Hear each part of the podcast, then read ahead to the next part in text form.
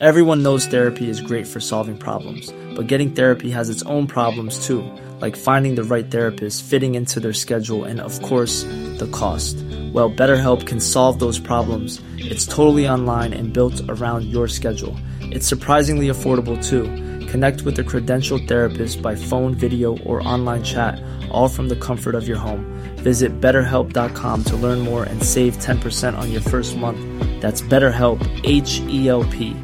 Quality sleep is essential. That's why the Sleep Number Smart Bed is designed for your ever evolving sleep needs. Need a bed that's firmer or softer on either side? Helps you sleep at a comfortable temperature? Sleep Number Smart Beds let you individualize your comfort so you sleep better together. JD Power ranks Sleep Number number 1 in customer satisfaction with mattresses purchased in-store. And now, save 50% on the Sleep Number limited edition Smart Bed for a limited time. For JD Power 2023 award information, visit jdpower.com/awards. Only at a Sleep Number store or sleepnumber.com.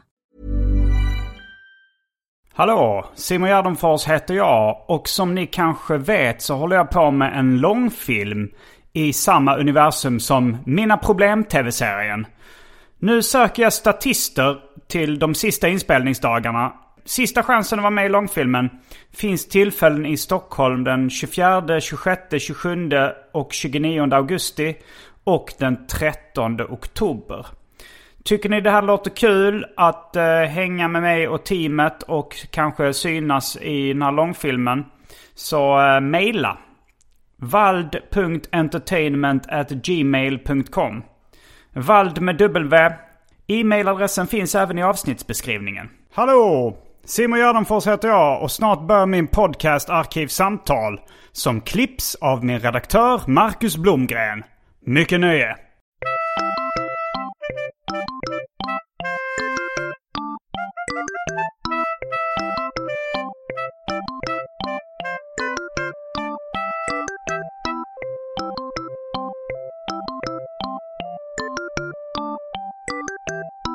Hej och välkomna till Arkivsamtal. Jag heter Simon Gärdenfors och med mig idag över länk har jag K. Svensson. Hej. Kristoffer Kringlan K. Svensson, eller vad du går under för namn Mm. just nu. Uffe S var Ja, rätt kortlivat. Vad sa du? Uffe S Ja, var rätt kortlivat. Uffe S var kanske inte ens en hel podd. Nej, okej. Eh, nej, men det är väl så. Det, du, du är fortfarande rätt uppdaterad. Ja. Roligt att få vara med igen i Ja. Arkivsamtal. Det var ett par månader sedan sist. Eh, Ja. Du behöver nog ingen närmare introduktion. Eh, vi, vi ser som David Liljemark. Då får man väl googla om man inte vet vem du är. Just det. Eh, men eh, jag är lite nyfiken på vad, eh, vad du håller på med för tillfället. Ja, det är lite... Ja, jag vet inte hur länge sedan det var. Det var väl bara innan sommaren vi snackade. Mm, och då... Det var nog maj. Eh, nej, i sommar har jag inte gjort så mycket, men jag har väl en höst nu som jag håller på att planera upp.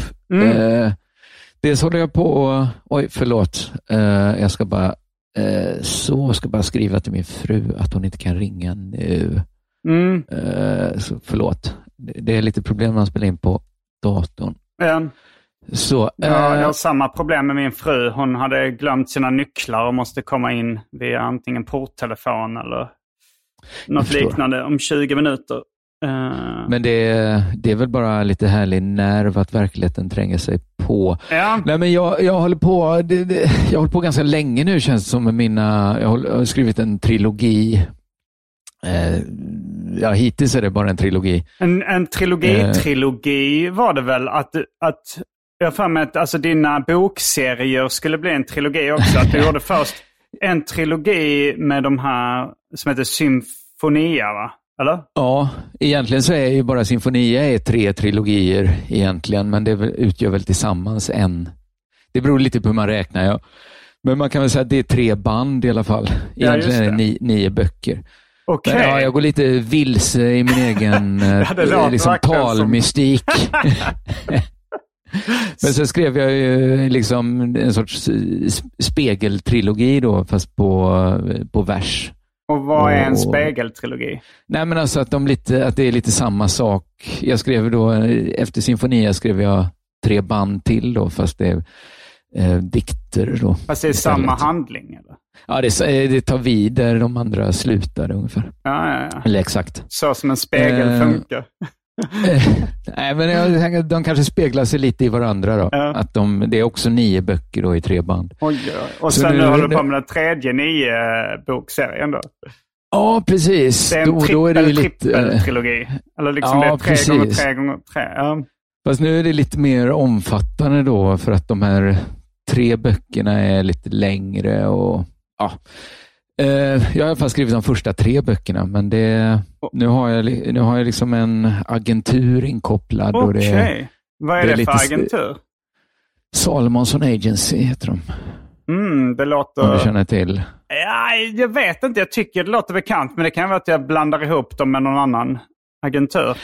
Eh, nej, det tror jag inte, men, men det är väl en bekant. Känner man till någon agentur för litteratur så är det väl Salomonsson kanske. Okej, det är det. Jag, jag vet inte. Vad, vad har de Eh, mer för... Vilka andra författare har de i sin, i Eh. sin stall, så att säga? Ja, men de har liksom, det är, liksom, det är väl Skandinaviens största agentur, så de, Mhm. har mycket, de har väldigt mycket bestsellers. Liksom. Lisa Marklund, Drogeve är där. Okej. Den, den Joe Nesbø. Ja, men fan vad av intressant liksom- att du har hamnat där. För jag kommer ihåg Ja, men- eh, någon tidigare arkivsamtal när du pratade om den här ekande tystnaden du hörde hos förlagen och branschen. Mm. Ja, precis. Nej, men jag har försökt hamna där länge nu och till slut lyckades jag med den här eh, serien böcker och hamna där. Okej. Så vi får se om de är så bra som deras rykte säger, helt enkelt. Hittills har jag inga anmärkningar. De, de har faktiskt varit jätteduktiga. Och det är lite nytt. Jag, har jag har ju kört lite i eh, gasat ut i vildmarken då, som jag själv sagt, och liksom eh, skulle klara mig själv och inte... Mm.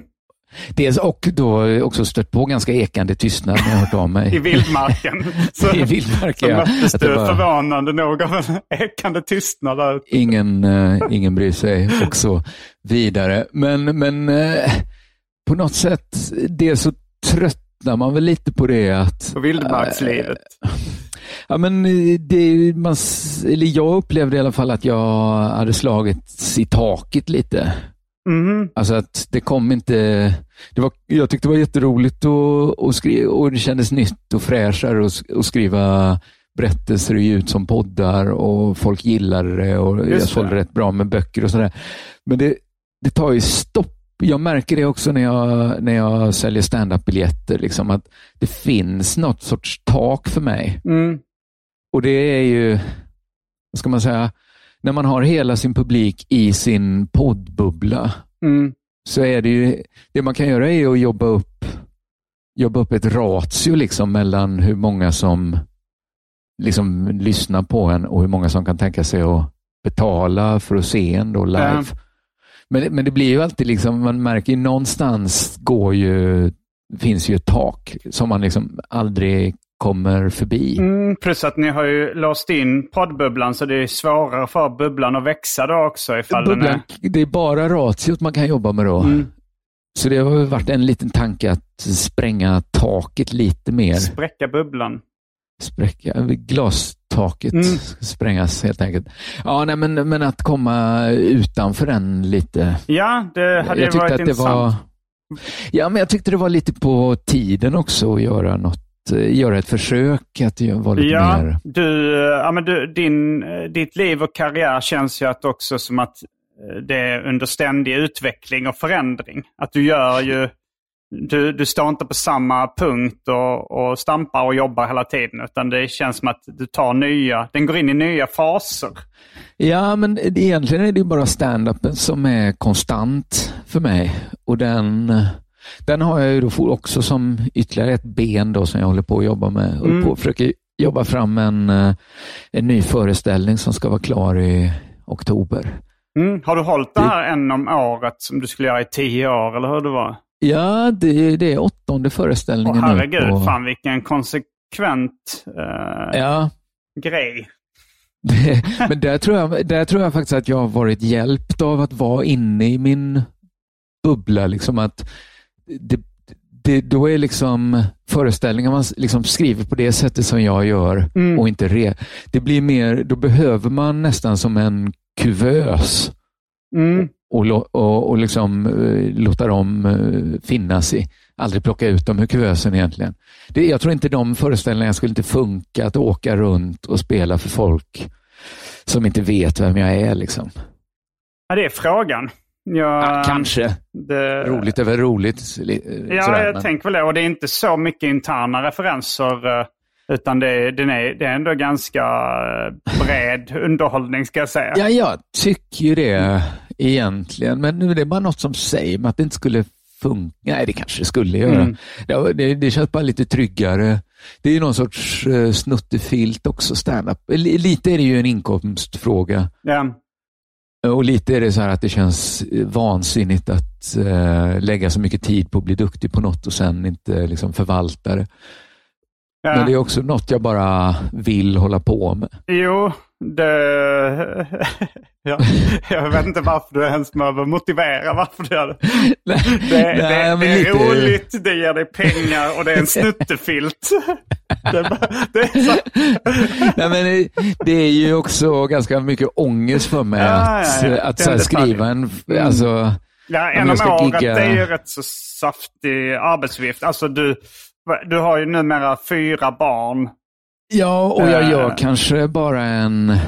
Jag uppträder ju... Jag har ju färre gig innan en föreställning än föreställningen är i. Eh, Så att det är ganska liksom mycket material som ska liksom eh, som ska sättas. Jo. Och det, det måste liksom, jag ska gigga på Nillets klubb nu i, i veckan. Just det. Och, Mm. och det, det är ju inte liksom kul för mig egentligen att, att komma dit med så mycket helt oprövat. Liksom. Det är inte kul för mig, det är inte kul för publiken, det är inte kul för klubbarrangörerna. Det är, liksom, det är så ofta det, det inte går bra då. Nej. Ja, men det, det, det- det, kan vara kul för de andra komikerna. Alltså så här, som är där och kollar. För då är det så här, Ja, ja, man ser ju just det. hellre nytt oprovat material än saker man har sett innan. Och eh, för en annan eh, komiker så gör det inte så mycket ifall, eh, ifall det inte är så mycket skratt från publiken. Nej. Så det är bara... Nej. ja. Nej, men det är klubbarrangörerna då, eftersom jag ofta uppträder också på klubbar som kompisar driver. Ja. Så känns det ju så här, det känns dåligt liksom. Mm. Om man, om man liksom ja, ska avsluta och, och liksom bomba sönder golvet på Ja. deras klubb. Jag, ehm, jag tänkte faktiskt gå och kolla då, för det, jag vill både se dig och Ina och det är en rätt så mysig, ja det här Eden är ju rätt trevligt ställe att hänga på.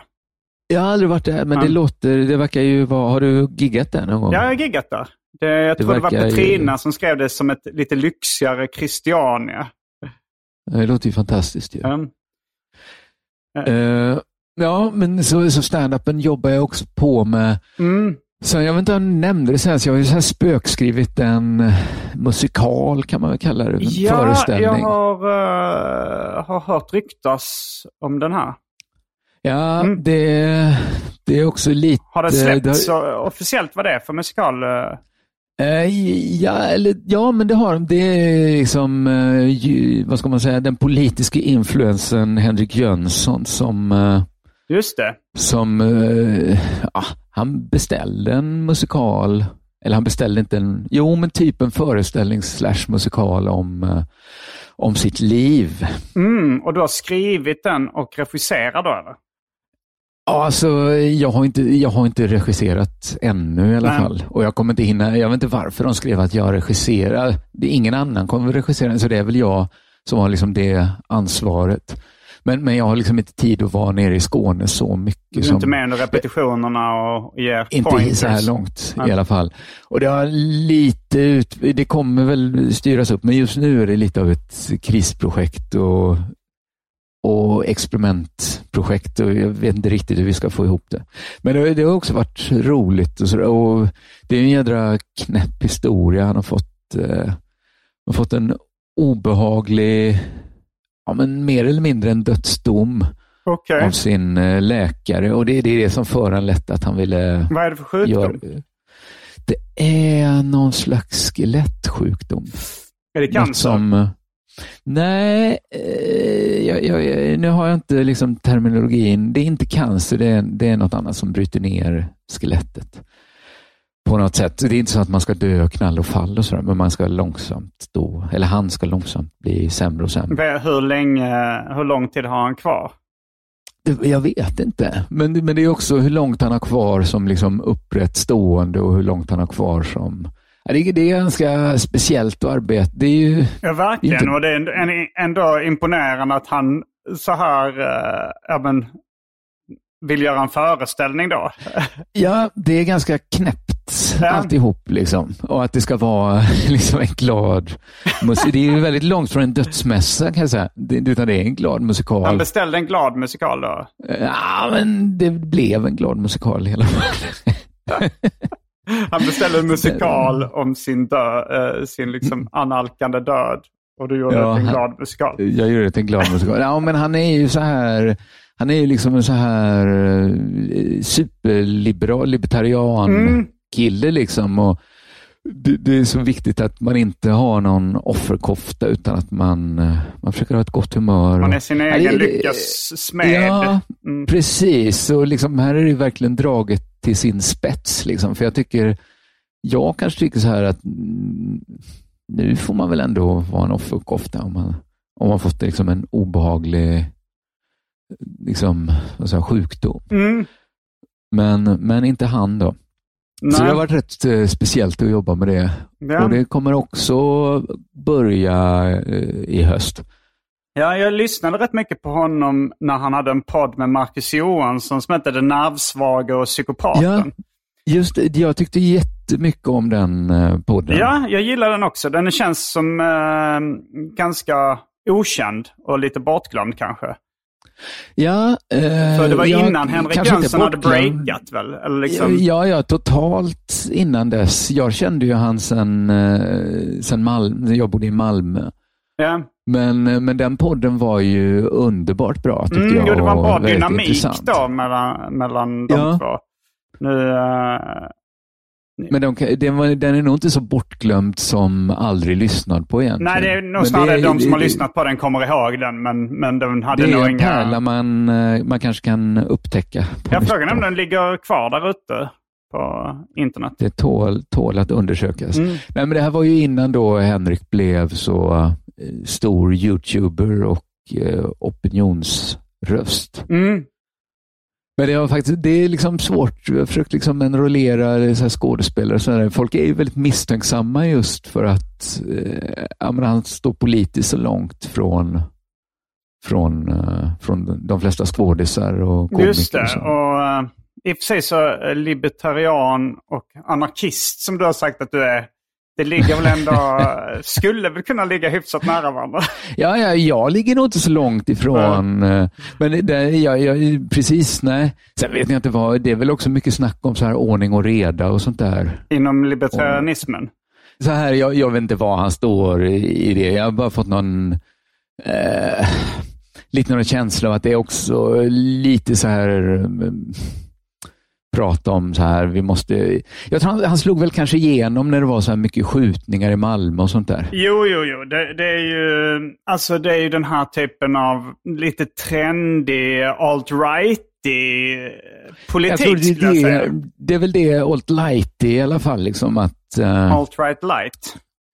Precis, att man... man jag säger det så jävla light. Jag får ändå för mig att han var rätt så Ja, men om du jämför med, med sådana som finns ändå.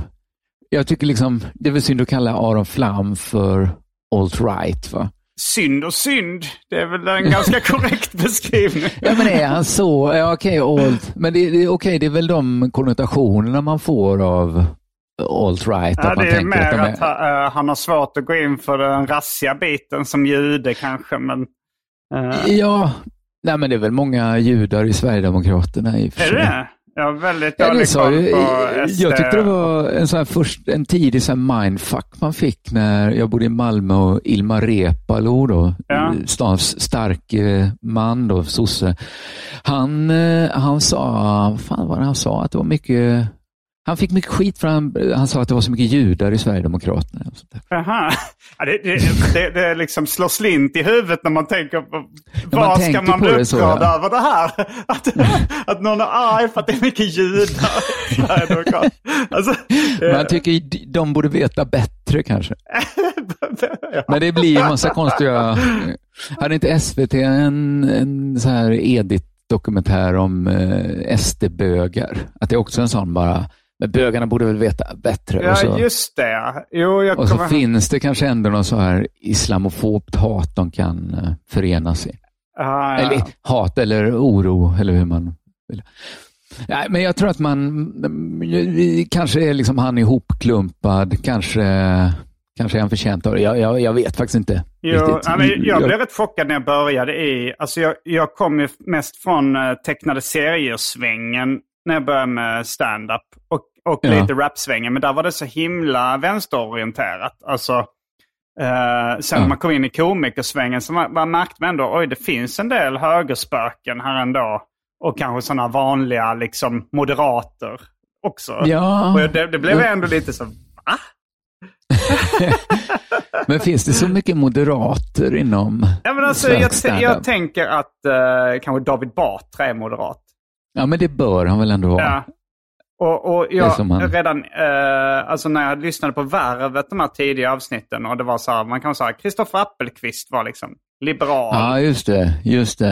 Eh. Ja, men det har du nog rätt i att det inte är lika så eh, slentrianmässigt som kanske, som... nej, som kanske alternativserier var. Men, och även rap var 00. väldigt, eh, det kändes som att det var, var, var inga, väldigt, få. Ja, det kanske var så här när man hade mobbade barn med automatvapen och, och vissa hade lite alt-rightiga. Ja, eller just det. rightiga. Eh, Men mest kanske man är bara lite eh, nihilistisk och tycker man kan då rappa slash skämta om allt. Och då, Ja. då var liksom på något sätt PK låg nära. Det kanske kändes modigare att skämta om så här vänster och vegetarianer och feminister för att de hade man så i sin närhet. Ja, alltså du menar att i seriefandom eller... eh, Ja, eller i liksom eh, Stan, jag kommer ihåg att man så här började kanske skämta liksom obekvämt. eh, Alltså att då var det kanske ett, att man gick på det man hade närmast. jo, liksom. men eh, du, när du var med i Lilla Drevet var det ju ett rätt tydligt sånt exempel då. Ja, att du hade precis. framstående vänsterprofiler och feminister i podden. Och du kom väl lite från det hållet, uppfattar jag det som. Men Ja, började man liksom säga. skämta Ja, jag- och driva med dem på ett Ja. obekvämt sätt. Ja, och då behövde man inte ta i jättemycket ändå för att bryta mot någon eh, Nej, överenskommelse egentligen. du behövde inte, men till slut så tog du jättemycket. Men till slut så gjorde jag det i alla fall. Eh, precis, precis. Det var ett smutsigt Eh. jobb och ingen behövde göra det. Just så. Ja, men så det har jag, det har jag också att se fram emot då i höst, att, eh, att få, få liksom igång den här föreställningen Mm. som hittills är ganska långt ifrån färdig, ska jag säga. Mm. Har du skrivit klart den? Ja, mer eller mindre. Men det, nu är det, ja, det har varit lite problem med, med folk som har sagt att de kan och så kan de inte. Och så Jag vet hur det känns. liksom allt närmare premiären och de har redan sålt ganska... Han är så stor, liksom Henrik, på YouTube och sådär, så Mm. säljer rätt mycket biljetter. Ja. Så det är liksom, det är för sent att backa nu. Så att istället, Backa det finns helt inget och hållet. Ja. Men jag tänker att Nej, men precis. medarbetare borde man kunna hitta nya då om det finns pengar. Liksom. Ja, det ska, det ska väl inte vara några problem, men det, det, är, ändå, det är ändå lite jobb som måste, som måste göras. Och det, är, är, Och är s- det ditt jobb?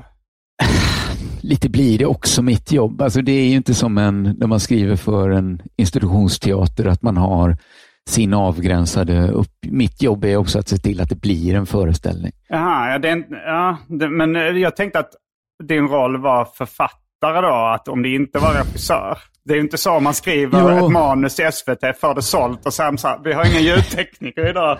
Simon Nej, men lite, det. det, blir det är också... ett problem, när man är ett litet gäng som ska göra någonting, ja. så blir ju ett problem blir ju allas problem fram jo. tills det är löst. Liksom. Det blir lite och, chicken race också. Uh, alltså vem som är, ja, uh, och, vem som är ganska, slappast och vem som liksom... Ja, och ganska många områden så är kanske jag bäst lämpad att, att hitta liksom lösa det också. Mm. Det, det, ja, det blir en del som hamnar på mitt bord, men jag ska inte klaga på det. Jag bara lösa det helt enkelt. Mm. Eh, sen håller jag också faktiskt på, jag har inte börjat skriva på det, men en gammal eh, teateridé jag haft som jag har börjat eh, försöka sälja in. Mm. Så förhoppningsvis ska jag skriva, det skulle passa mig ganska bra om jag kunde skriva den pjäsen nu i höst. Okej, okay. är det ett originalmanus? Det är väl en, en adaption på en uh, gammal pjäs. Jag, jag, tror inte jag kan prata så mycket Nej. om den i vers. Tro, tror jag inte jag kan göra. Men det verkar finnas uh, rätt mycket uh, intresse. Det var bara lite en chock att jag har ju jobbat med teater förut. Mm.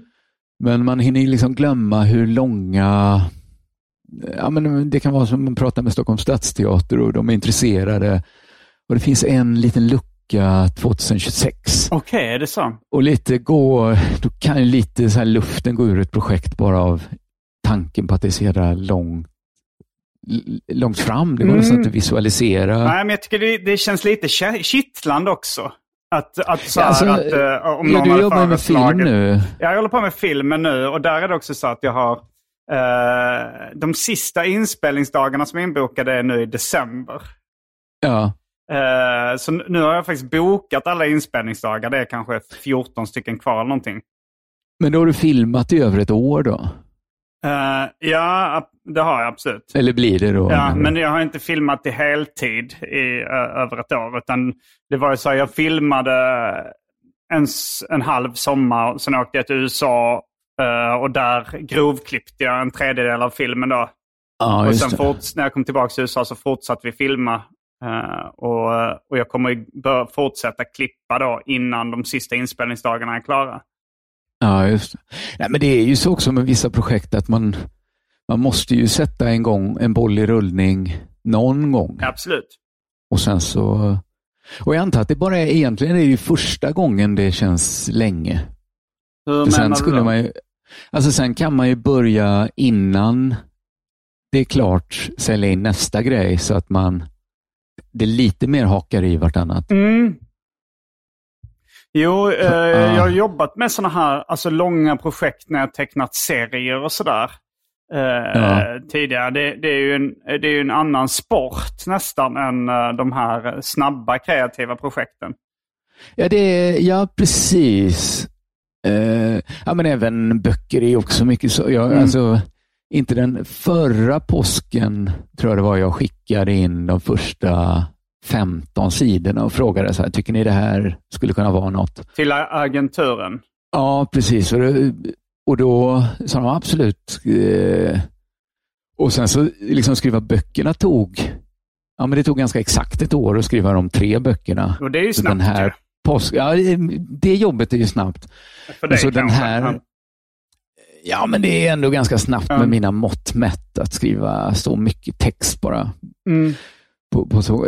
Men, men liksom den här påsken fick jag veta då när jag, liksom efter den här påsken, är det liksom redan gått ett år från ax till limpa, att ja, men nästa påsk så då siktar vi på bokmässan i London eller något sånt. Okej, okay, det, det, är liksom, en internationell fuck. satsning. Ja, förhoppningsvis. Det blir ju i alla fall försök att Fan vad roligt. Vilken typ av böcker är det? Uh, ja, alltså mysterieböcker kallar jag dem. Okay. Men, men det, det, mysterierna är ju ofta ett mord, så att det är väl deckare också. Okay, ja. Men, men egentligen så är det ju någon sorts humorböcker skulle jag säga. att De är väl mer roliga, både roliga och spännande tror jag, men mest, mest roliga tror jag egentligen. Mm. Jag minns ganska... uh, i mellanstadiet när det var en, en tjej i min klass som frågade. Vi var på skolbib Nej, vi var på Hjärups bibliotek då. Det var en tjej i min klass som uh, gick fram till bibliotekarien och frågade. Har ni någon bok som är både rolig och spännande? Ah, fan, då skulle, då skulle mina böcker ha funnits. Ja, men så, de är ganska liksom... Uh, jag har skrivit liksom i den stilen som jag själv gillade när jag gillade böcker. Jag gillar ju fortfarande böcker och så här, men när man hade kanske sina fetaste läsupplevelser. Att det är ganska grisigt, rätt mycket sex och snusk och fylla och, Mm. och sådär. Okej, som Det- eh, Bukowski och Sture Dahlström. Ja, ja, skulle jag säga. Mm. Kanske inte så flippig humor som i Sture Dahlström. Men han är ju flippigare. Men ingen av dem skulle jag säga är jättespännande. Alltså att det, det, det är inga spänningsromaner, deras Nej, böcker. men, men- nej, det kan man inte säga. Då, jag vet inte vad man ska säga. Ja, men säg kanske lite så spänningen som kan finnas i en Paul Auster-roman. Då. Mm, nu har jag faktiskt inte läst Paul Auster, men jag tänker att så här, humor och spänning, alltså för barn finns det ju eh, ganska mycket sånt där. Man, man kan ju tycka kanske Ja, att just det. eh, Ture Sventon var både rolig och spännande när man var ung. Ja, just ja, ofta, Nu tänker man nog lite att det skulle förta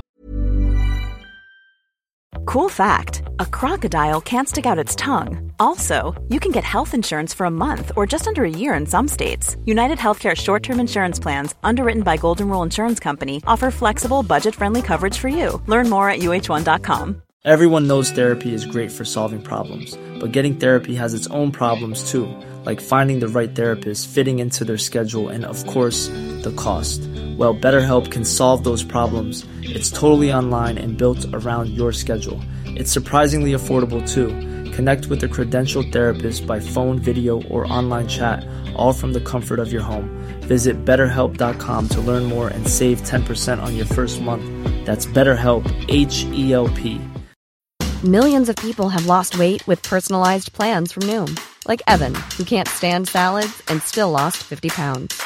Salads, generally, for most people, are the easy button, right?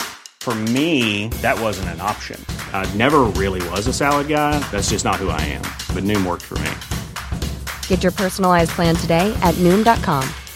Real Noom user compensated to provide their story. In four weeks, the typical Noom user can expect to lose one to two pounds per week. Individual results may vary. Att saker kan inte vara kanske både läskiga och väldigt roliga. Det blir något pajigt med det kanske. Ja, det är nog svårt, tänker jag. Skräck, då blir det kanske något annat. Ja, men, men jag kan tänka också- mig om du säger så här, Sture Dahlström mö- möter Ture Sventon. Det låter som en bra hisspitch. Ja, men om man tar de här eh, Clitty-deckarna. Just det. Mm. De var ju kanske inte så jädra spännande. Alltså det, de var ju kul, Mm. men det blev inte så spännande kanske. Jag har bara läst den första, men den tyckte jag var rolig faktiskt. Ja, den var roliga med, vad är det, kommissarie Ballander. Ja, Eh, men det, där kanske det inte var så. Jag, jag försöker att det ska vara liksom... att det är spännande också. Ja, det, det, det, är, det är Ja, det, väldigt det svårt finns i alla fall att... ett, ett riktigt eh, framåtdriv som, som är att man vill veta eh, liksom, eh, hur det har gått till. Eller vad, liksom gåt, en gåtfullhet i alla fall Ja. som, Ja, men, som man på riktigt ska vilja ha svar på. men om man tänker en Tarantino-film, alltså med tänker Ja, Pulp det, Fiction sådär, så ja, är det ja, ju... visst, visst. visst. Det, man, man bryr sig ändå hur det går för, eh, för karaktärerna. Man tycker det är lite obehagligt när någon blir Ja. Inlåst i källaren. Men så är det ju dial- i dialogen så är det ju också humorn Ja, där. det, liksom. det, det, det, oh, precis, det är nog exakt så jag har jobbat. Att det, är- det är liksom rolig och liksom fräck då. Mm. fräck dialog. Eh, men det är också en sån här riktig, eller i alla fall tanken är att man ska vara eh, uppriktigt engagerad i själva gåtan. Är det realism? Hade det Eh. kunnat hända på riktigt? Där? Ja, men typ nästan realism. Mm. Det är lite, lite förhöjt skulle jag säga. Men, men inte så mycket så att man inte kan vara engagerad i det. Kanske, vad ska man säga, att ja, men även är liksom Stig Larssons böcker om Lisbeth Salander, är de realistiska? Liksom? Egentligen är de det. Alltså, jag tänker realism när det inte finns några övernaturliga Nej, det finns inget inslag. övernaturligt. Men det kan ju ändå vara så att det kommer en nästan en jätte som har en konstig sjukdom som gör att han inte kan känna smärta. Att han är ju nästan ett monster. Ja, ja, jo. Ja, men att det är, nästan realism då på det sättet. Just att man, det. Att, vad ska man säga? Han är så stor. Det finns knappt någon som är så stor. Det, den där sjukdomen är kanske inte känd. Där man inte kan känna Det finns ju en, en skillnad mellan magisk realism och fantastisk realism som Mhm. jag tycker är avgörande. Att jag har lite svårt för magisk Mm. realism. Vad är... Alltså magisk realism... eh, Magisk realism är ju kanske att någon kan vara, bli tusen år gammal. Okej. Mm. Men det är, det är ändå en realistisk släktkrönika. Eller Mm. det är ett folk som kan flyga, men de...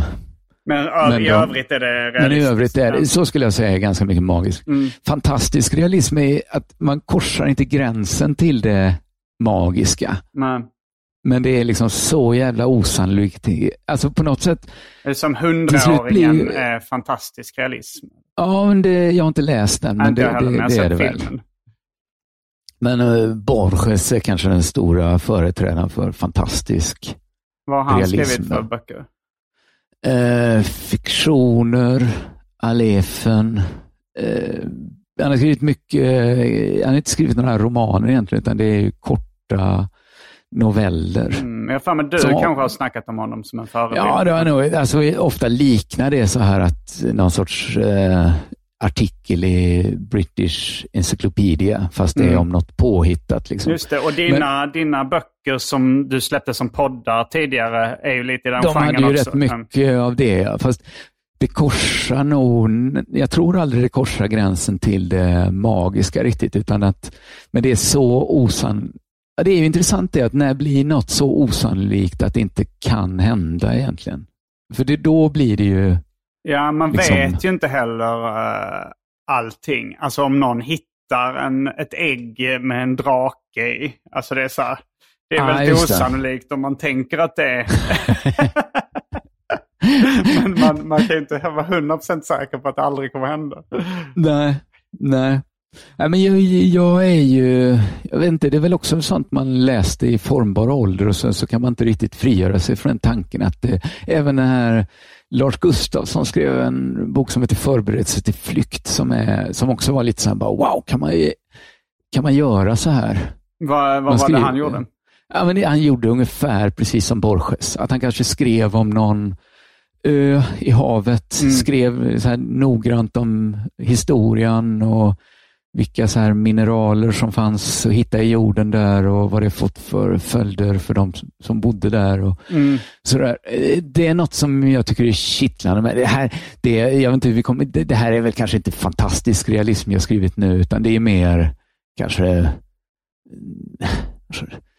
Speciell inte realism. riktigt tjuvrom. Jag vet att du pratade med Möller om så här tjuvromaner. Ja, jag har också pratat, eh, vad, vad sa du att jag eller du pratade om? Eller du, båda? du och Möller Ja, det, pratade ja. om det i Mm. något avsnitt nu. Att det är ju inte tjuvroman på så sätt att det är ur tjuvarnas perspektiv, men det, det finns liksom lite av den frejdigheten och skitigheten och Mm. slängigheten som, som sådana tjuvromaner kan. Jo, och Kan eh, vi har ju nämnt uh, Sture Dahlström några gånger nu också. Hans böcker Ja. är det ju en del sådana väldigt otrovärdiga grejer, men eh, ändå på gränsen till realistiska.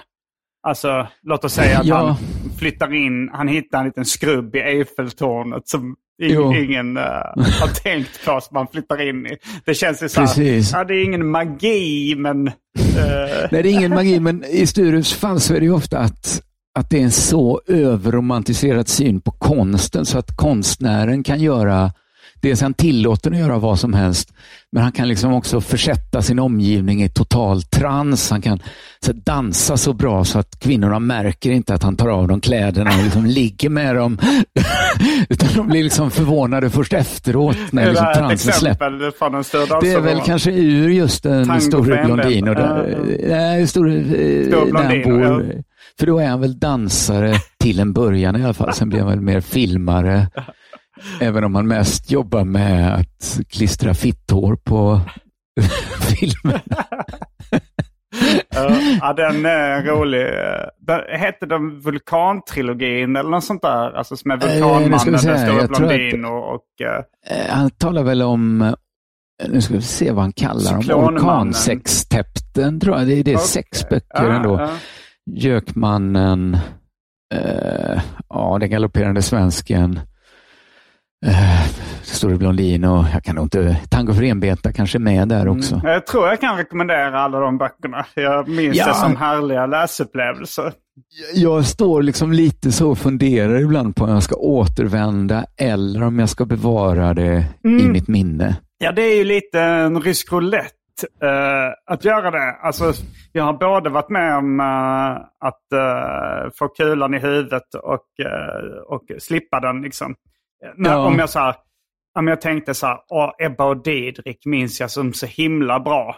Eh. Ska jag, eh, ska jag liksom våga sig om det nu 30 år Ja. senare eller vad det var? Och det. eh, så gjorde jag det och så kände jag fan det var skitbra fortfarande. Ja, Men, eh, med men- andra, andra liksom, eh, jag vet inte, uh, kommissarie Lös fallet före kommissarie Snook så var jag så här, ah, det var inte så snyggt tecknat som jag minns det. Nej, eller, nej. Alltså, det, jag vet inte om Doxedrängen eller eh, om du minns det danska barnprogrammet som jag minns som helt otroligt jävla kul. vad sa du att det hette? Doxedrängen!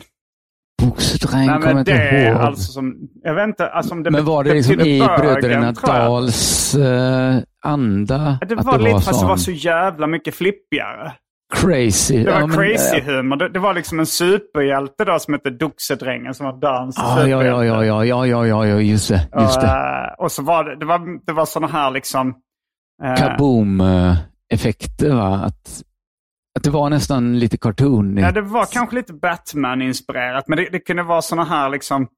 eh, de satt i klassrummet och, eh, och, och liksom, den privatpersonen då som var Doxedrängens he- hemliga identitet satt i klassrummet. Ja. Och, sen såg man liksom Doxedängen eh, på en annan plats lösa ett brott. Ja. Och sen kommer det en scen. Det här är från mitt minne. Det kan vara liksom ett förbättrat minne. Men som jag sa det så är det liksom. Sen filmar de en åker. Och så är det liksom en bonde som kör på den åkern ganska långsamt i en traktor. Tills han kommer fram till en telefonkiosk. och då så ringer han in till tv-programmet och frågar så här. Hur kan uh, Doxedrängen vara och lösa det här brottet samtidigt som den här privatpersonen sitter i klassrummet? Liksom. Aha, Och ja. då så ja, berättar men de att det är bara en pappfigur som han har placerat i klassrummet. Så klipper de tillbaks och då är det en pappfigur. Vilket det uppenbarligen inte var innan. Nej. Och det Ja, var ju det liksom låter ju- mindblowing kul och tramsigt och nyskapande när jag var liten. Ja, alla sådana metalager, allt sånt bryta den fjärde väggen tyckte jag var otroligt. ja jo, verkligen. För att man inte hade tänkt tanken innan att ja, men det finns ju sådana här avsnitt av Snurre Sprätt när de liksom hoppar ut ur bioduken Ja. och så är liksom publiken tecknad framför. Ja, men sånt, sånt där. Det var ju alltid... Jo, och så såg man det på tv så tyckte man att jag fattade inte riktigt det, varför gubben Nej. var så liten. Den var liksom Nej. anpassad till biostorlek. Just det. Eh, nej, men, ja, men besviken och besviken också. Sådär. Jag, det skulle ju inte vara samma sak att läsa Sture Dahlström. Jag, jag tänker så här att jag skulle nog inte läsa det helt febrigt idag Nej. om jag återvänder till det. Alltså så här, bokstavligt talat, så, lite som en metaberättelse så blev jag nog liksom bu- berusad av konstnären Sture Dahlström då, så som hans konstnärer kunde berusa sin omgivning. Det tror jag inte idag, men ibland kan man ju upptäcka jag var ja men sen när Rederiet gick så var jag stor skalle.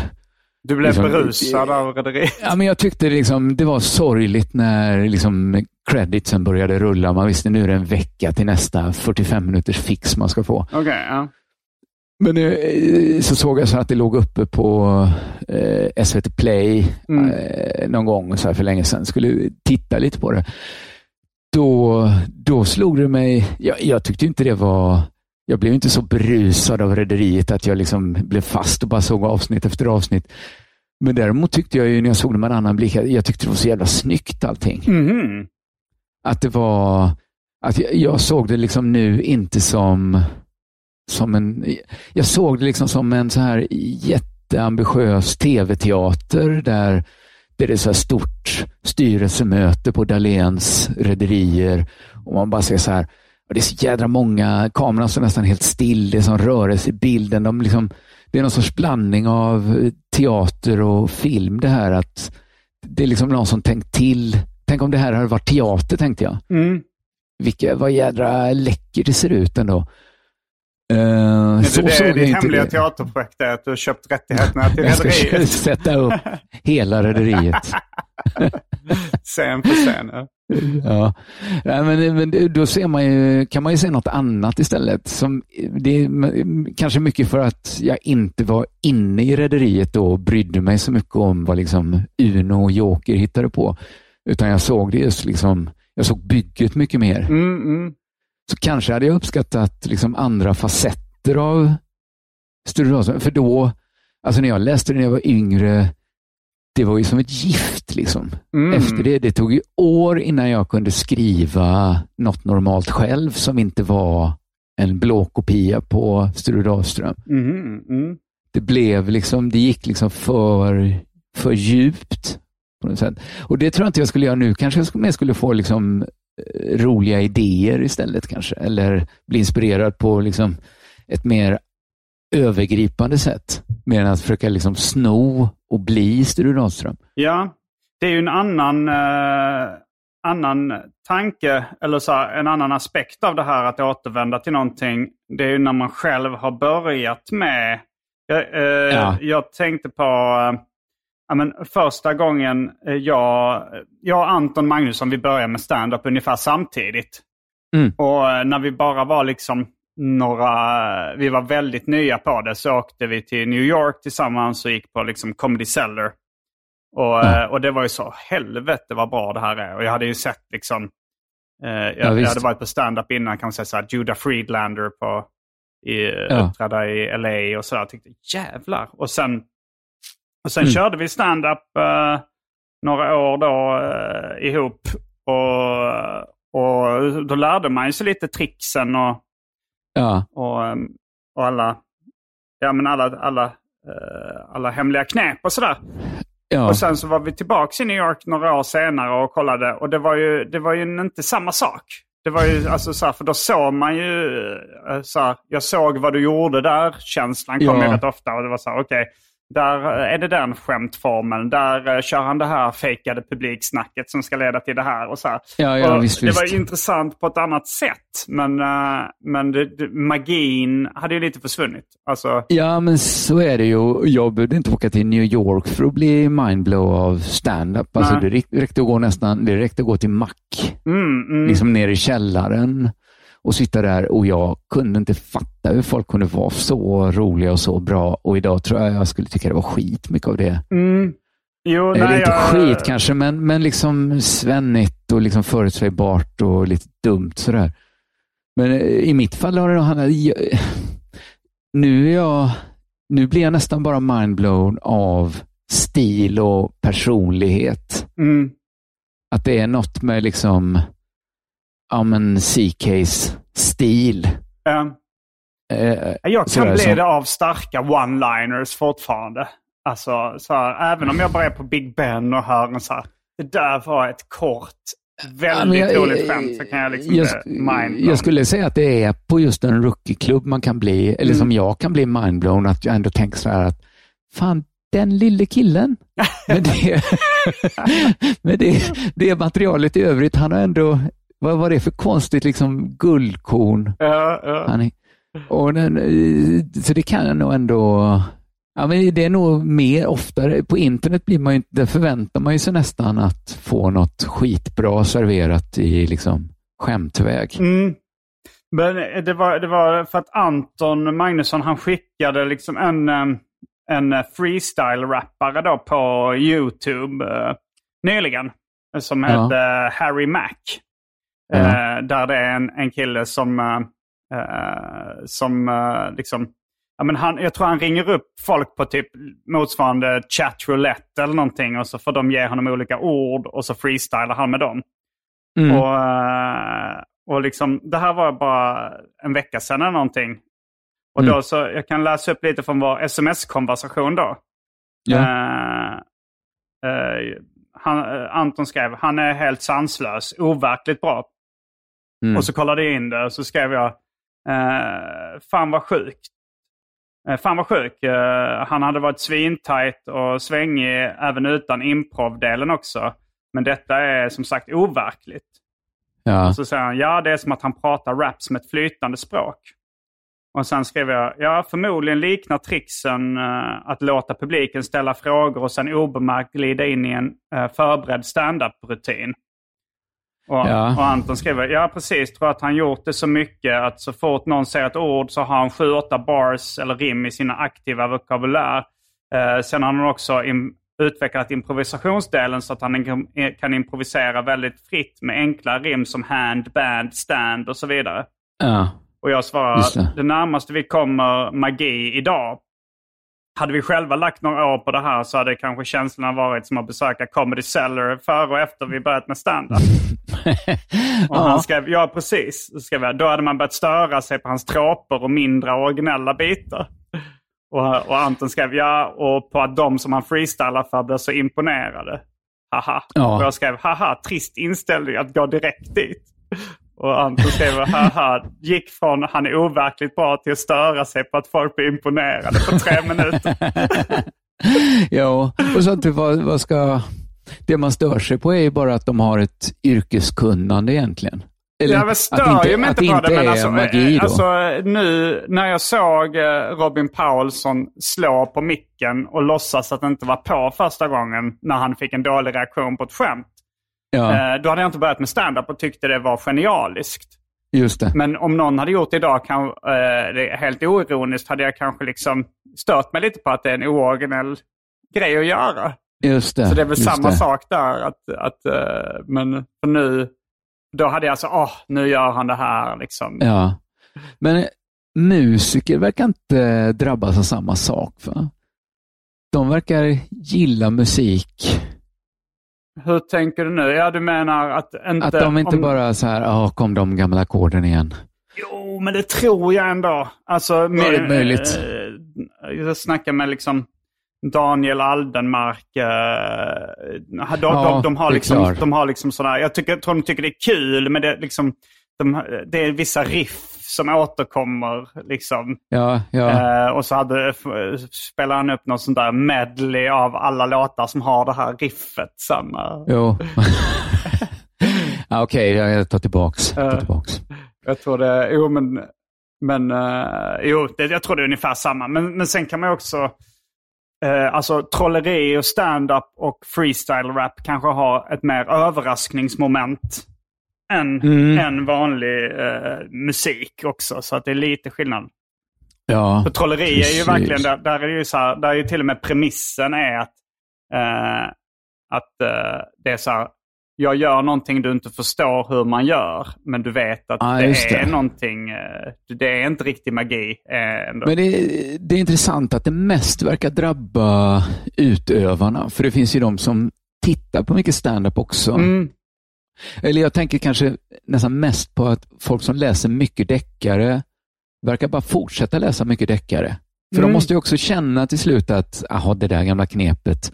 Ja, nu- det kanske Men- man inte gör inte- om man inte, om man inte liksom börjar försöka Ja, man laga kanske det själv. måste försöka göra det själv för att Ja. bli, man, kanske, man kanske vill bli fintare också. Mm. Eller så är det som eh, liksom en pizza. Du äter samma pizza och tycker den är jättegod. Men när du väl börjar Ja. laga pizza så tycker du, är det inte lite tråkigt? Det här?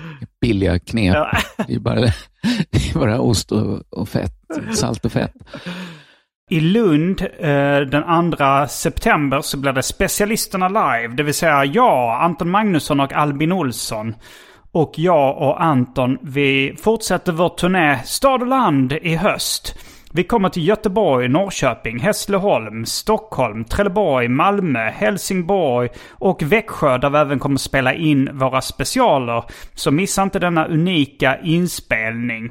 Alla biljetter till de här grejerna hittar ni på gardenfors.com. Missa inte att köpa det innan allting tar slut. Nu har det blivit dags för det omåttligt populära inslaget Välj drycken.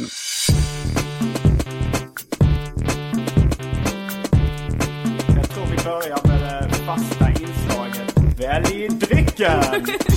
Det kom väldigt sent i den här podden. Ja, det kom sent. Eh, men eh, den, den ska in. Den kilen ska Den, in. den, ja. Här kommer alternativen. Vad har du för alternativ eh, till dig Ja, själv? det, det är ju så att eh, egentligen började väl höstsäsongen idag. Vi Mm. skriver augusti den sjunde. Det är måndag. Nej, jag åkte in till kontoret idag i alla fall. Ja. Första gången på sommaren. Eh, och det var inget, jag hade inget hemma. Jag har druckit en kopp kaffe, så nu, jag hade faktiskt bara vatten Mm. här. Så jag, jag tog med ett glas vatten redan tidigare som jag har kvar av. ja. Så jag tänkte välja då. Ja, jag tänker den här uh, väldrycken är ganska oinspirerad. Det är ganska mycket för att eh, inte göra fansen besvikna. av Ja, Väldrycken. ja, ja. Men jag, Den jag, eh, jag säger då att eh, jag tar ett glas uh, Fanta Zero. Jag orkar Mm. inte räkna upp alla spritsorter. Okej, då är vi strax tillbaka med dryckerna kända från det omåttligt populära inslaget Välj drycken. Häng med!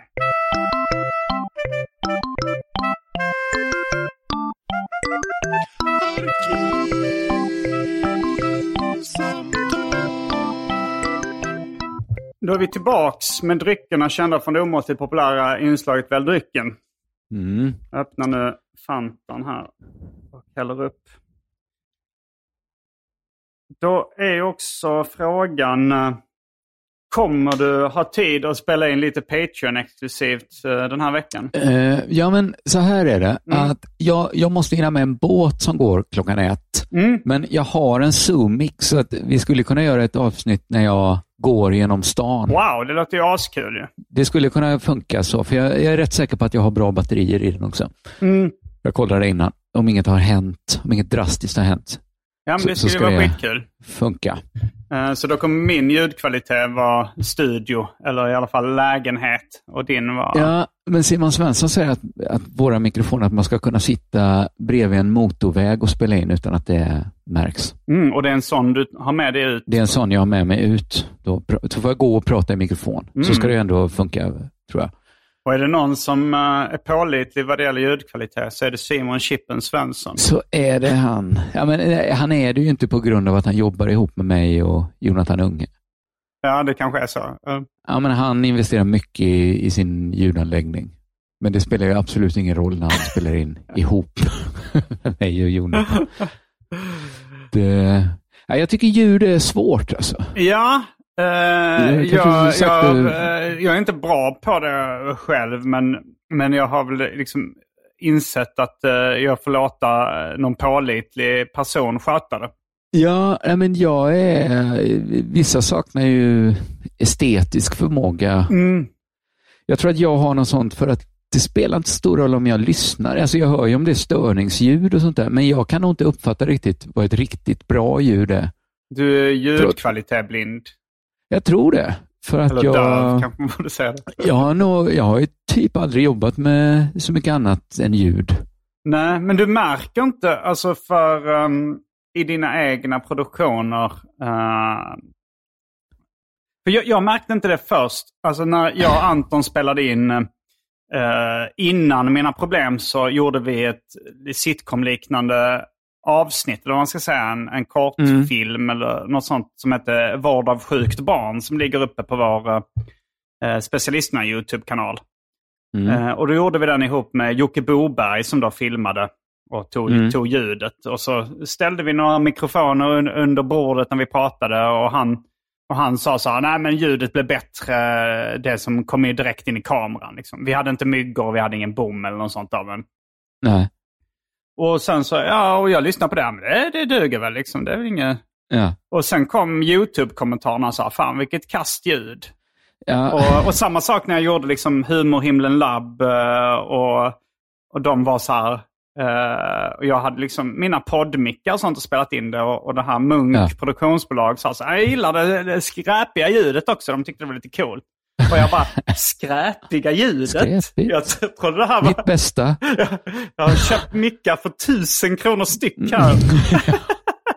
Ja, men jag tycker det blir nästan värre ju mer... Om jag anstränger mig, då blir det ju värre liksom. Det är som kvicksand. Alltså, ja, men jag tror att hade jag försökt göra, spela in film och nöjt mig med iPhone-kamerans ljud, eller Mm. liksom kamerans mick, så hade folk stört sig mindre på, men, men men liksom kopplar in sig och någon ska ha köra bomstativ med mick på och det blåser. Mm. Det är så mycket mer som kan gå fel. Ja, och. Folk hatar verkligen dåligt ljud. Ja.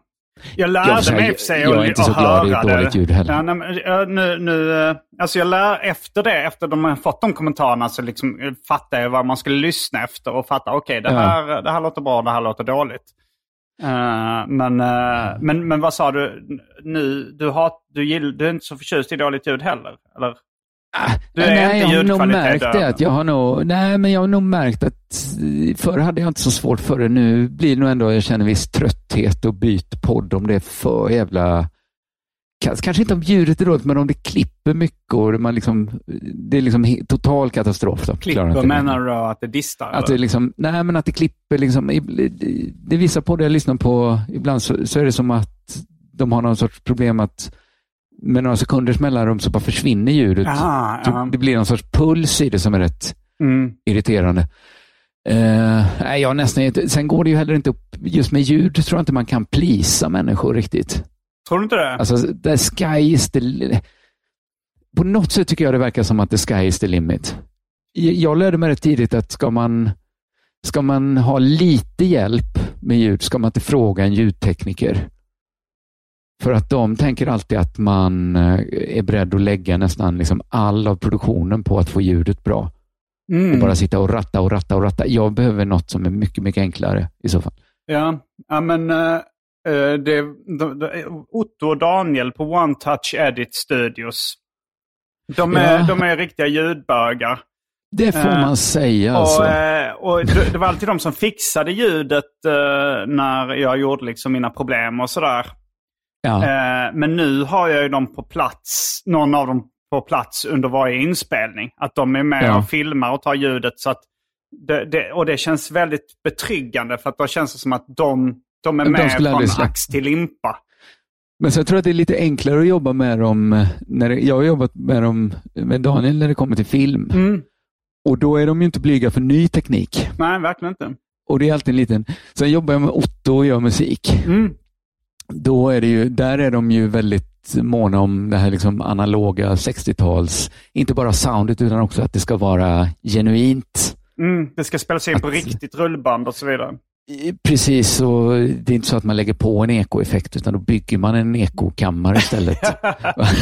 det, och i, absolut, var, liksom alla, var och en blir salig på sin fason. Liksom. Jag Mm. har nog ingen större skillnad, liksom, men, men är det det som krävs för att de ska vara engagerade så är jag gärna med på det. Mm. Och det är ju spännande också. Det är roligt att vara i deras studio och hålla på.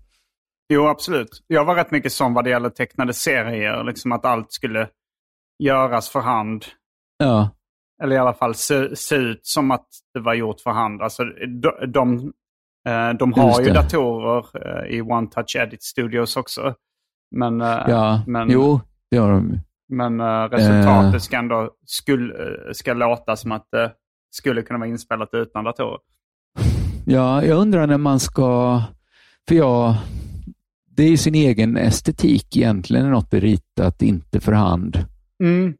Ja, liksom när man, man har ju sin egen preferens. Jag gillar ju när, man, när det är liksom den... Hand, jag antar att det kommer en, liksom en ny generation som, som liksom gillar den liksom linjen som... Den här Som blir- vektoriserade linjen. Från, ja, Ja. ja, alltså jag tycker den kan ha sin charm i vissa sammanhang. Men Ja. jag är verkligen eh, eh, på team organiskt i nästan alla sammanhang. Fast, Ja, fast i och för sig med syntar och sånt så tycker jag ändå liksom Syn- en 808, eh, även om den kanske inte var en dator inblandad i 808, alltså men trummaskinen. musik, då, det har men- funnits så liksom hela ens liv också. Mm, just det, det är kanske vad man vuxit upp med. Vi som är Ja. uppvuxna innan liksom, datorerna började ta över uh, teckningar och grafik kanske Ja. liksom, eh, inte gillar det på ett annat sätt. Nej, det kan vara så. Varje vecka så släpper jag ett bonusavsnitt av den här podden exklusivt för er som donerar en valfri summa per avsnitt på patreon.com arkivsamtal. Patreon.com arkivsamtal alltså. Det finns redan över 40 exklusiva avsnitt som du får tillgång till.